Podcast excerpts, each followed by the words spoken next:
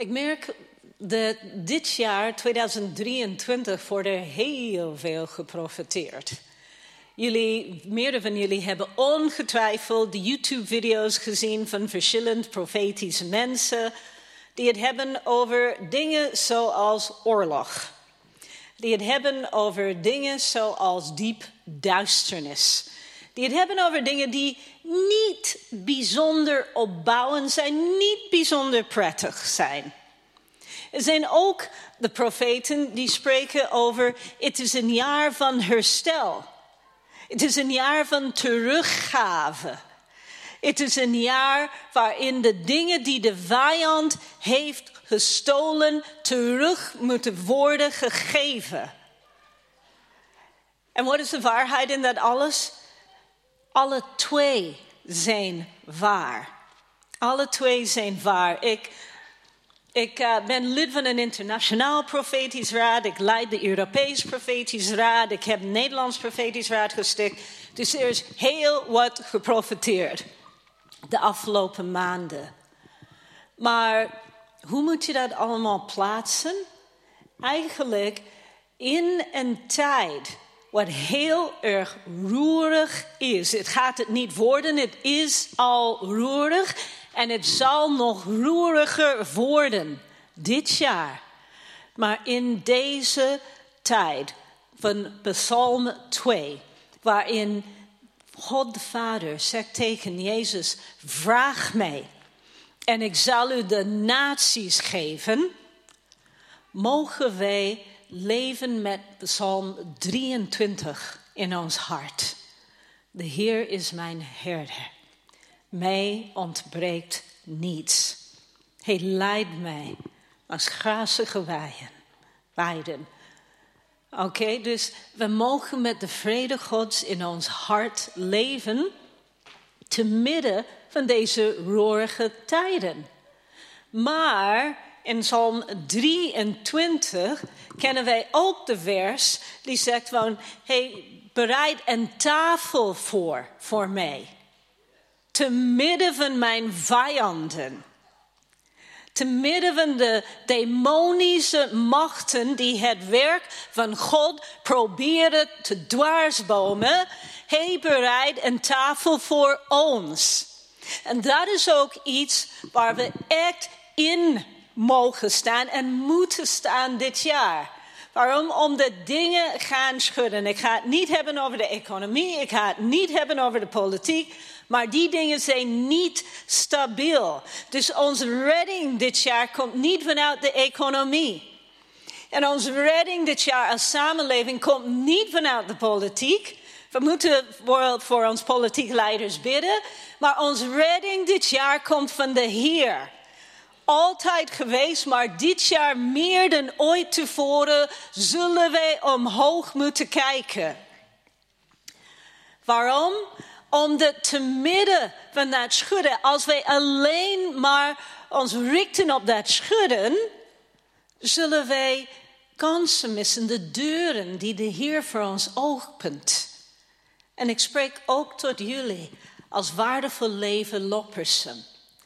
Oké, dus als we alleen maar kijken naar de duisternis, als we alleen maar kijken naar de teleurstellingen, als we alleen maar kijken naar ons, ja, de plaatsen waar we gekwetst zijn, zullen wij kansen missen. Omdat God zal ook voor jullie dit jaar deuren openen. En dat zijn deuren voor impact. En als ik impact zeg, dat is een lievelingswoord bij mij, ik bedoel deuren waardoor jullie tot zegen kunnen en zullen zijn. Maar voor ieder van ons hebben wij ogen nodig om deze deuren te herkennen wanneer God ze opent. En we hebben zijn oren nodig om zijn stem goed te kunnen onderscheiden. Als hij dat doet, dat is ook mijn gebed voor ons in Amsterdam. Heer, help ons meer dan ooit tevoren uw stem te kunnen onderscheiden tussen alle andere stemmen. En help ons om uw wegen te kunnen zien. Om de prijs de Heer Hij blijft op zijn troon zitten. Hij blijft op zijn troon zitten, te midden van dit alles. Halleluja. En zo, het is een jaar van schudden, maar het is ook een jaar waarin deuren open zullen gaan voor jullie als gemeente.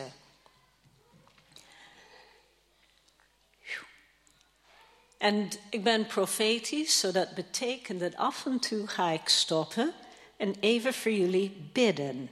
Want ik merk dat de Heilige Geest het mij vraagt om te doen. En Hemelse Vader, ik zegen uw volk, uw kostbaar volk, mijn kostbaar broers en zussen in deze plaats. Vader, ik bid dat u ze reinigt. Wow, door de kracht van uw bloed, Heer, van elke aanklacht. Vanuit de boze, Heer, reinig ze. In de naam van Jezus en Heer van elke teleurstelling van het afgelopen jaar. Vader, we geven ons teleurstellingen aan u. En Heer, in de naam van Jezus, Heer, we laten ook uh, los, Heer, de, de mensen die ons gekwetst hebben. Phew. Heer, het afgelopen jaar. Vader, dank je dat u ons reinigt van alle woorden nu. En Heer, ik spreek het uit een diep genezing over deze gemeente, genezing van ons hart, Heer. Heer, in de naam van Jezus. Amen. Amen. Dit jaar, de Heilige Geest is aan het bewegen. Het is niet dat hij gaat bewegen, maar hij is aan het bewegen in Nederland. En dit jaar gewoon zal dat toenemen. En het zal ook gebeuren in het noorden. Dus jullie zullen daar ook deel van uitmaken. Maar interessant genoeg, ja, een van die uh, Nederlands profeten, die zag een golf van God komen. Als een tsunami-golf over het land, heen razen. En het was een golf van de Heilige Geest. Maar ze zei iets heel erg belangrijk voor mij. En dat was iets wat ik niet eerder had gehoord. En dat was, als dat golf over Nederland heen raast, moeten wij onderscheiding van God kunnen ontvangen. Waarom? Omdat het zal heel veel dingen ook plat laten, of met de grond gelijk maken. Heel veel dingen. En niet iedereen zal het als van God herkennen. Hoe ziet dat eruit? Ik merk gewoon soms relaties. Vanuit een vorige seizoen, ze zullen afgesloten zijn. Soms kan het betekenen dat er mensen weggaan uit ons midden. Soms zal het andere, ja, anders uitzien, maar soms kan dat ook heel erg pijnlijk zijn. En als wij niet dat onderscheidingsvermogen van God ontvangen, dan soms zullen we dat niet kunnen herkennen als Gods hand. Waarom doet God dat dit jaar? Omdat Hij is ons aan het voorbereiden. Ik spreek tot jullie, maar ik spreek ook tot mijzelf en ook tot mijn eigen gemeente als ik dit zeg. Maar de structuren die wij hebben gebouwd voor een vorige seizoen zullen niet bestendig zijn voor dit nieuwe wat God wil doen. En ik weet niet hoe het met jullie zit, maar als ik denk aan een tsunami-golf van God over dit land. Ik denk niet aan een Toronto. Hoewel dat is mijn thuisstad. Ik ben Canadees en Nederlands. Waarom? Omdat dat was voor een vorige seizoen. En ik ben daar zeer gezegend daardoor. Maar, en ik denk ook niet aan een leekland of zelfs niet aan het Malieveld. Hoewel die dingen enorm waren. Waarom? En dat God is aan het zeggen, ik doe het op een andere manier deze keer. En dus ook voor ons als gemeenteleiders, weet je, wij hebben alles op het altaar gelegd en zegt, hier, u mag het zeggen. Laat uw vuur neerdalen op alles, you know, alle structuren in de gemeente. We leggen het opnieuw op het altaar. Waarom? Omdat we willen bestendig zijn. Zodat we een zegen kunnen zijn voor de mensen om ons heen in dit seizoen. En soms zal dat zeer doen. Weet je? En dus dit is misschien niet een halleluja boodschap, maar het is een boodschap die je wel in staat gaat stellen om vooruit te gaan dit jaar. En zo, wij zitten in een periode van 21 dagen van vasten en gebed. En ik ben zo blij dat we dat doen. Waarom? Omdat God is aan het spreken tot ons. En hij is mijn geloof opnieuw flink aan het uitdagen. Er komt wel een stuk Bijbel. Ik beloof jullie dat. Maar flink aan het uitdagen. Vorige week mocht ik spreken in mijn eigen gemeente. Dat is ook een voorrecht als ik dat af en toe mag. En hij zet ons ook voor een aantal groot geloofsuitdagingen dit jaar. God heeft al veel gedaan, maar wat hij mij en anderen laat zien nu, groot geloofsuitdagingen. En weet je wat? Ik verheug me daarop. Waarom? Omdat als de dingen alleen maar stabiel zijn, dan vind ik het saai. Dan vind ik het saai. Geef me goed demonisch tegenwerking, dan ben ik volledig wakker. Zo zit ik in elkaar.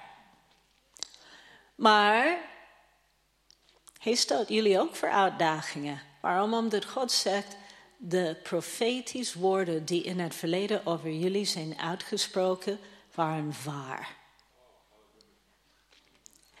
En alle dingen die gebeurd zijn, hebben niet kunnen zorgen dat die profetische woorden niet meer van kracht zijn. Dus jullie staan ook voor een uitdaging. Om daarin te gaan wandelen. Maar daarin gaan wandelen betekent strijd. Niet tegen elkaar, maar tegen de demonisch machten die alles willen behalve dat jullie daarin gaan wandelen als individu, voor je gezin, maar ook voor deze gemeente, dit streek. En dus een van de dingen wat ik zag in mijn voorbereiding is de vijand probeert jullie nu te doen denken, jullie zijn klein. De vijand probeert jullie nu te denken, weet je, misschien was dat voor een vorige seizoen, maar misschien is het iets totaal anders voor dit seizoen. Nee, zegt de Heer, de profetische woorden die vanuit het verleden of in het verleden werden uitgesproken zijn nog steeds van kracht. En dit jaar, ik heb echt zo'n sterk beeld van jullie als uh, ja, een bruid wat uit de woestijn aan het komen is. Steunend op haar geliefde. Steunend op haar geliefde. En juist onder God, jullie steun en jullie kracht is, gaat dat het verschil uitmaken. Maar ik zie ook dat bruid is nu beproefd. Wauw. Dat bruid is nu beproefd. Dat bruid, er is geen, er was geen arrogantie, maar dat nederigheid is nog dieper geworteld. Maar ook de autoriteit. En dit jaar, zegt God, is een jaar voor autoriteit, waarin jullie gebeden beantwoord zullen zien worden, mits de twee met elkaar ogen hebben te zien en oren te horen. Dit jaar is een jaar waarin door middel van decretten en proclamaties, dit is een profetisch woord voor jullie als waardevol leven, gemeente in Loppersen, Waardoor, ja, door uh, proclamaties, decretten, Heer, u hebt gezegd dat dit gemeente, deze gemeente zal een vuurtoren zijn voor het noorden. Dus hier, dus wij leggen het vast in de hemelsdimensie en ook hier op aarde. Ons woorden hebben kracht. Dat is iets voor jullie. Jullie zullen een vuurtoren zijn. Dat zit in jullie DNA. En dus de dingen die nog niet zichtbaar zijn, mogen wij en moeten we dit jaar tot aan zijn roepen. Niet omdat wij het zo graag willen, maar omdat God jullie nodig heeft. Als gemeente. Naast de andere gemeentes, maar in ieder van ons als gemeente moeten nu onze plaats innemen. Halleluja. Dit is een kans. En ik ben excited. Waarom? Omdat het is echt een kans. Vorige week mocht ik uh, spreken wat ik zei. En deze maand, 9 januari, werden we 18 als gemeente. Dus we zijn nu volwassenen. We mogen rijden. we mogen stemmen, dat soort dingen. Als gemeente. Dat 18 gewoon een jaar ook van volwassenheid. Maar ik heb tegen ons gemeente gezegd. Weet je, zij, zij zijn nu gewend om in een mooi gebouw te zitten, et cetera. Maar ik zei tegen hun: Jullie zitten hier omdat een kleine groep mensen niet alleen ogen hadden om dingen te zien wat er niet waren, maar de stappen van geloof wilden zetten om dit te verwezenlijken. Niet zozeer een gebouw, ons, zodat jullie het weten, de zaal waar wij de eerste zeven jaar van ons bestaan bijeenkwamen. We zijn zo dankbaar en ik ben een opdracht Amsterdam daarvoor. Maar dat past vier keer in ons foyer nu. Op een goede zondag hadden we 80 mensen. En ik was zo blij met ieder van de 80. We zijn vele malen nu groter geworden. Maar ik zei tegen hun: Dit is voor jullie normaal, maar wij konden daar niet eens van dromen. 18 jaar geleden. En toch zitten we hier. Waarom zeg ik dat? Omdat God is hetzelfde aan het vragen van jullie. Heer, wat heeft u gezegd? Wij zien het misschien niet, maar Heer, we zijn bereid om de stappen te zetten. En hoe zet je die stappen? Juist, je hoeft niet alle stappen te weten. Als je alle punten op de i's wil hebben, voordat je een stap zet, dan ga je nooit stappen. Omdat zo werkt God niet. Het was fijn geweest als hij dat wel deed, maar zo werkt hij niet. Dus je hoeft niet elke stap te weten, alleen de volgende stap.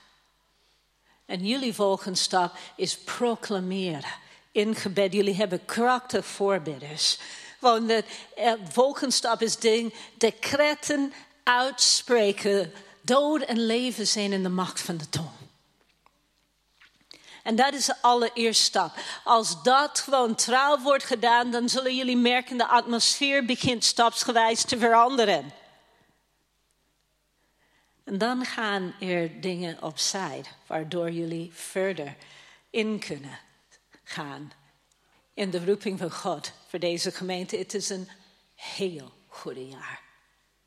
En het is een enorme uitnodiging van God. Maar als wij stappen zetten, en ik weet dat jullie profetisch zijn, zijn er één of twee dingen die jullie moeten weten. Dus vanmorgen ga ik het kort hebben over Elia en Elisa. En Jacobus en Johannes. Dus Lucas, hoofdstuk 9. Lucas, hoofdstuk 9. Vers 51 tot en met 56.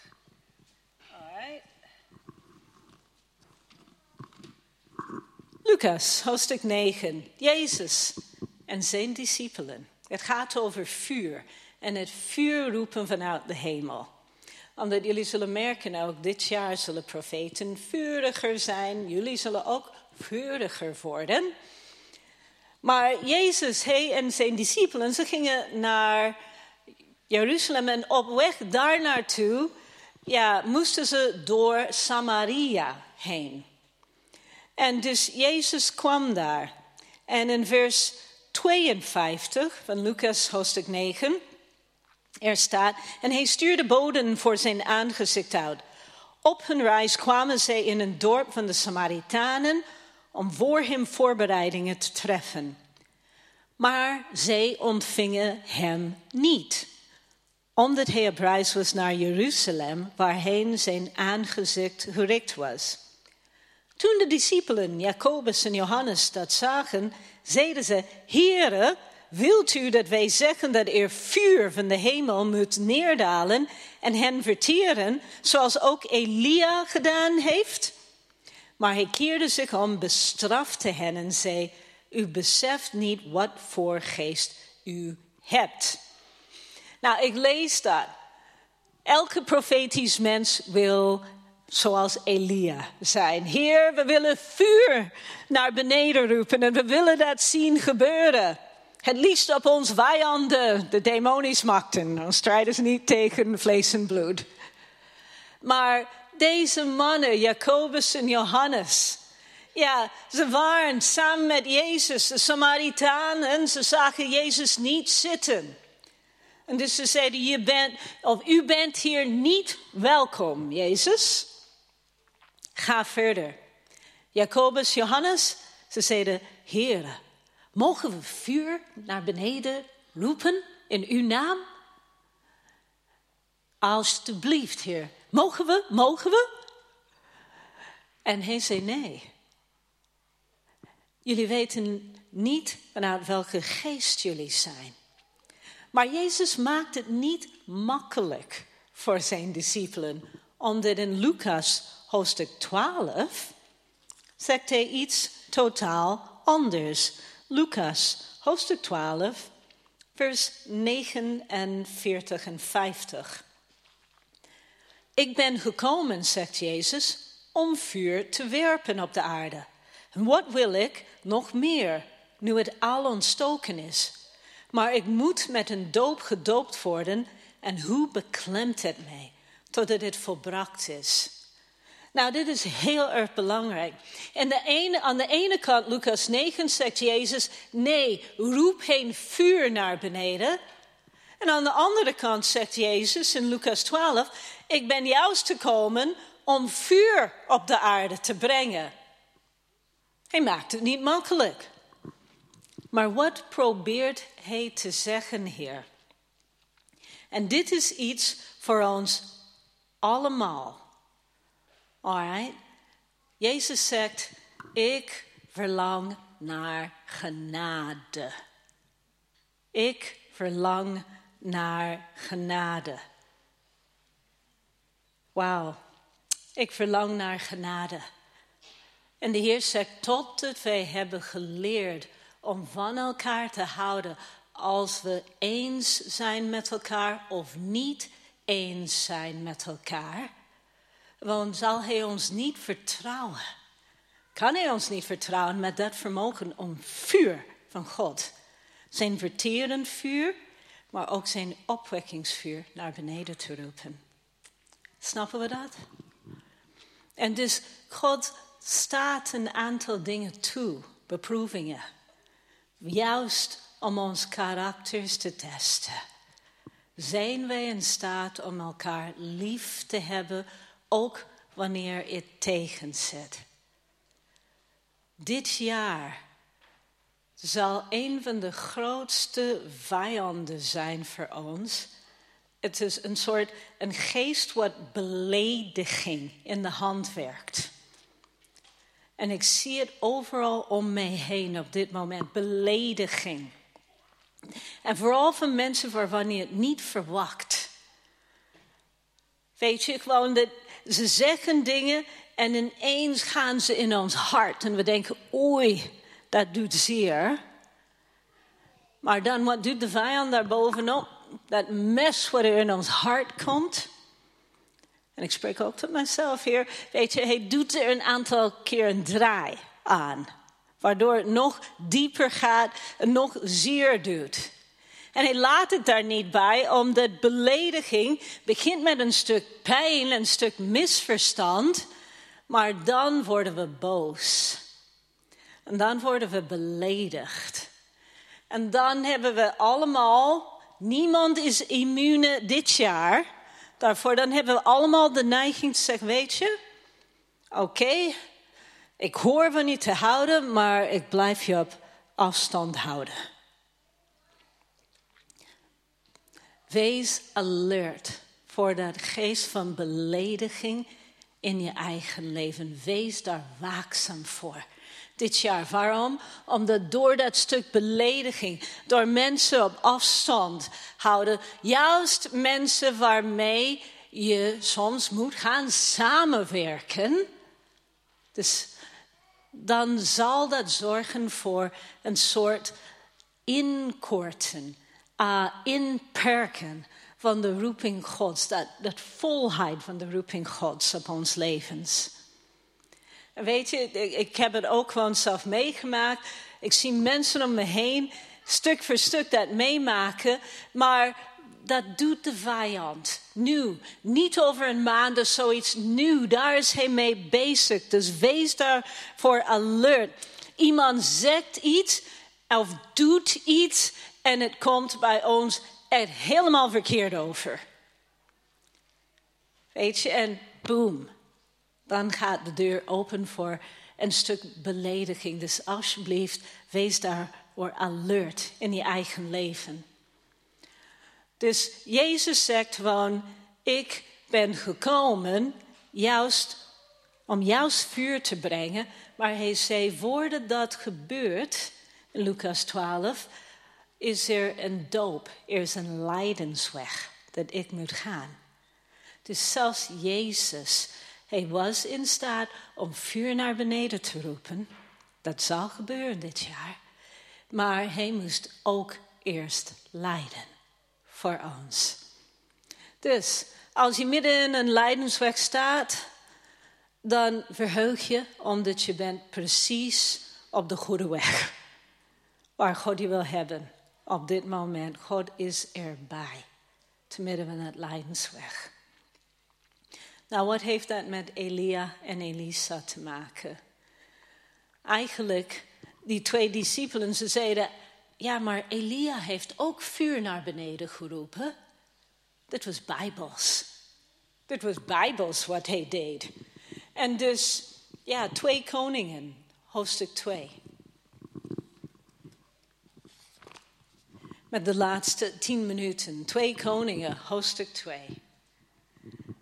Ik begin bij vers 1. Elia, Elisa. En het gebeurde nu toen de Heer Elia in een storm zou opnemen in de hemel, dat Elia met Elisa uit Gilgal wegging. We kennen Elisa de profeet. Elisa was de leerlingprofeet, als het ware. Maar hij was ook degene die uiteindelijk een dubbel portie van de salving van Elia ontving. Er is nu een graad van duisternis op de aarde, ook in Nederland. We hebben alle salving nodig die we kunnen krijgen van God. Dus ook dat dubbel portie salving is voor nu. Maar het kost Elisa wat. En dus, ja, dat Elia met Elisa uit Gilgal wegging. Dat zegt iets over een proces.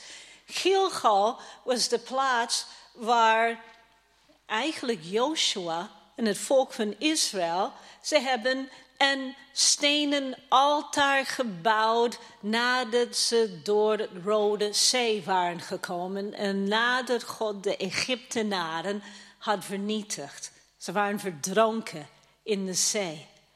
Dus het was een altaar ter gedachtenis van wat God had gedaan. Ze stonden daarbij stil. En Elia zei tegen Elisa: Blijf toch, Heer, want de Heer heeft mij naar Bethel gezonden.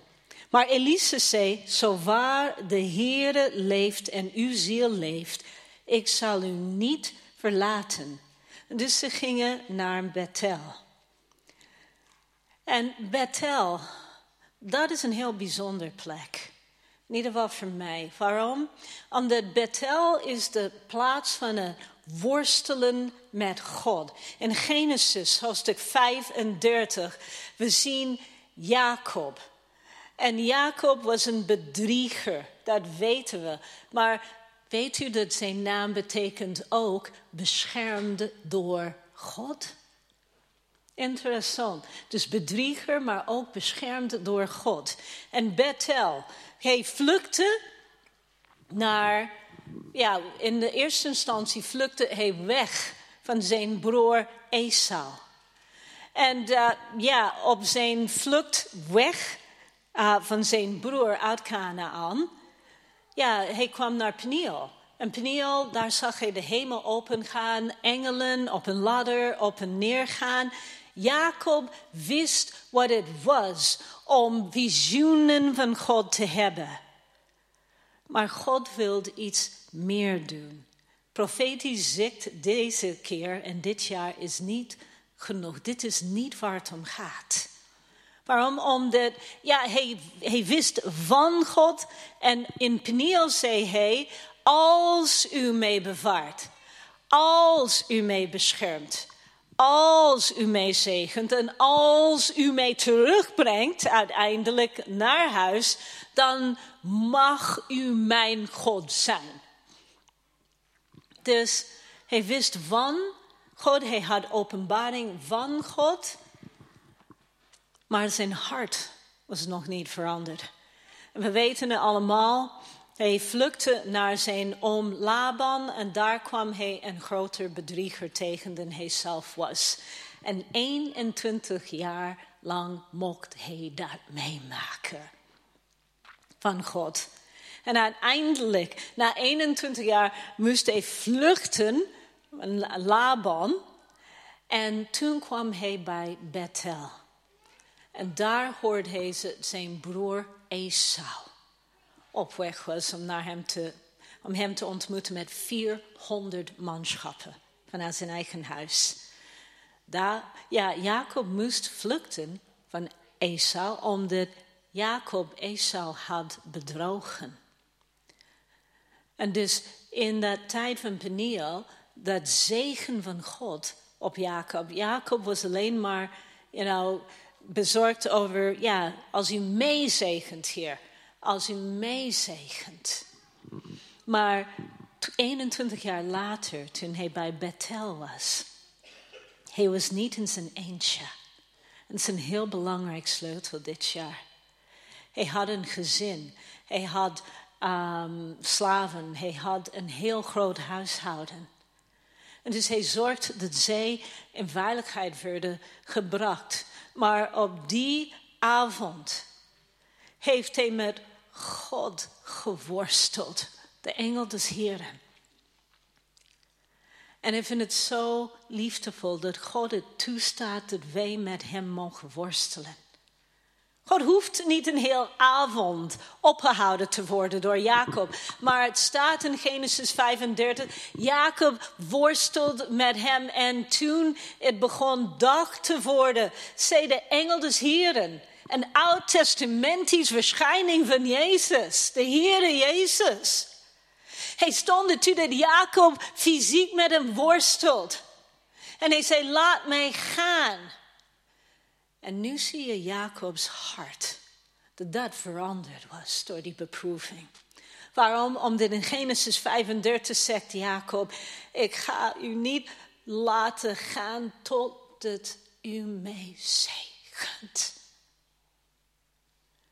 Maar deze keer was de zegen niet alleen voor Jacob. Het was voor heel zijn huishouden en het volk wat God door hem heen tot geboorte aan het brengen was. En toen zei de engel Gods: Oké, uw naam is niet meer Jacob, maar Israël.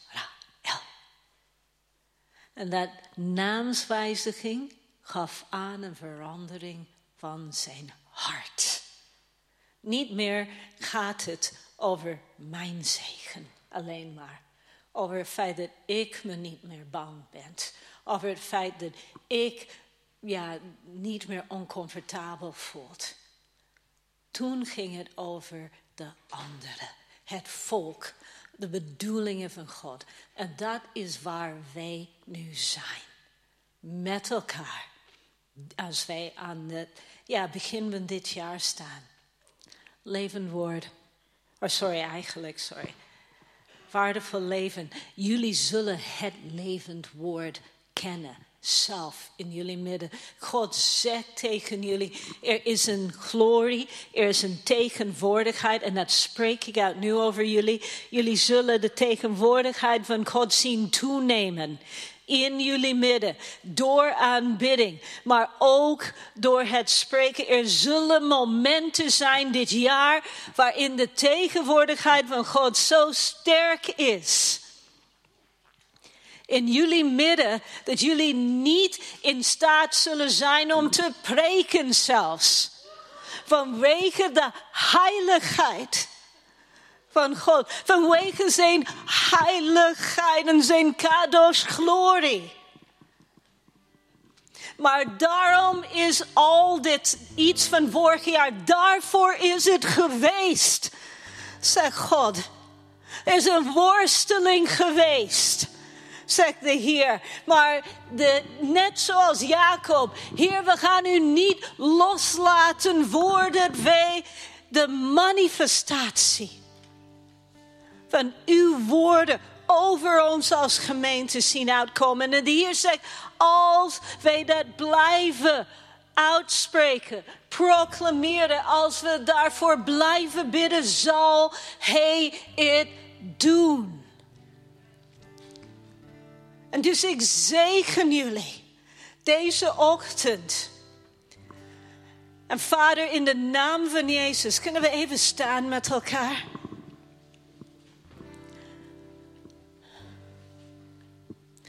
En ik vraag je om even je hand omhoog te houden als een daad van geloof.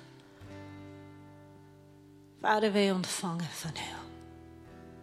Vader, op dit moment, Heere God, dat toename in onderscheiding.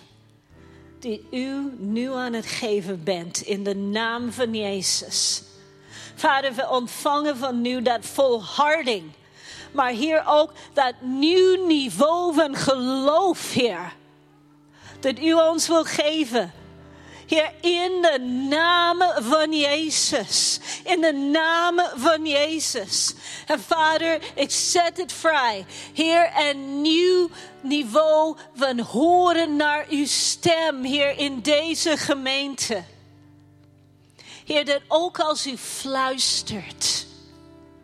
Heer, dat wij in staat zullen zijn om uw stem te begrijpen en te onderscheiden. Vader, in de naam van Jezus, Heer, ik bid voor mijn broers en mijn zussen.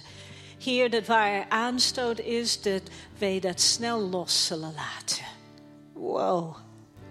Omdat de Heer zegt, ik heb veel samenwerkingsverbanden voor jullie dit jaar.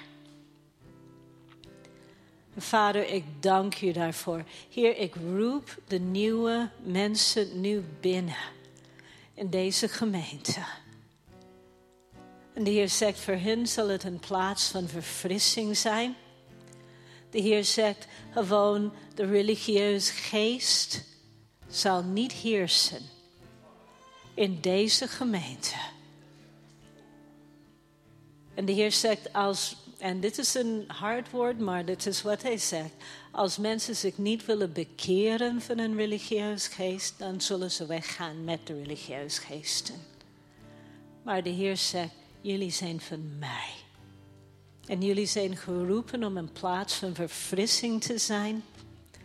En een plaats waar mensen weer tot leven in God mogen komen.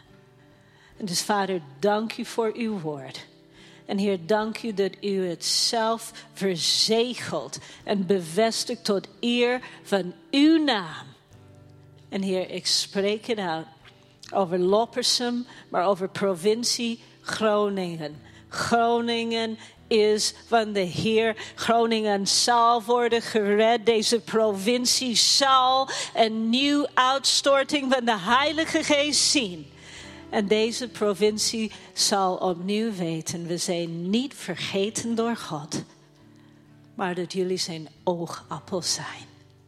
En daartoe zegen ik jullie. In de naam van Jezus. Halleluja.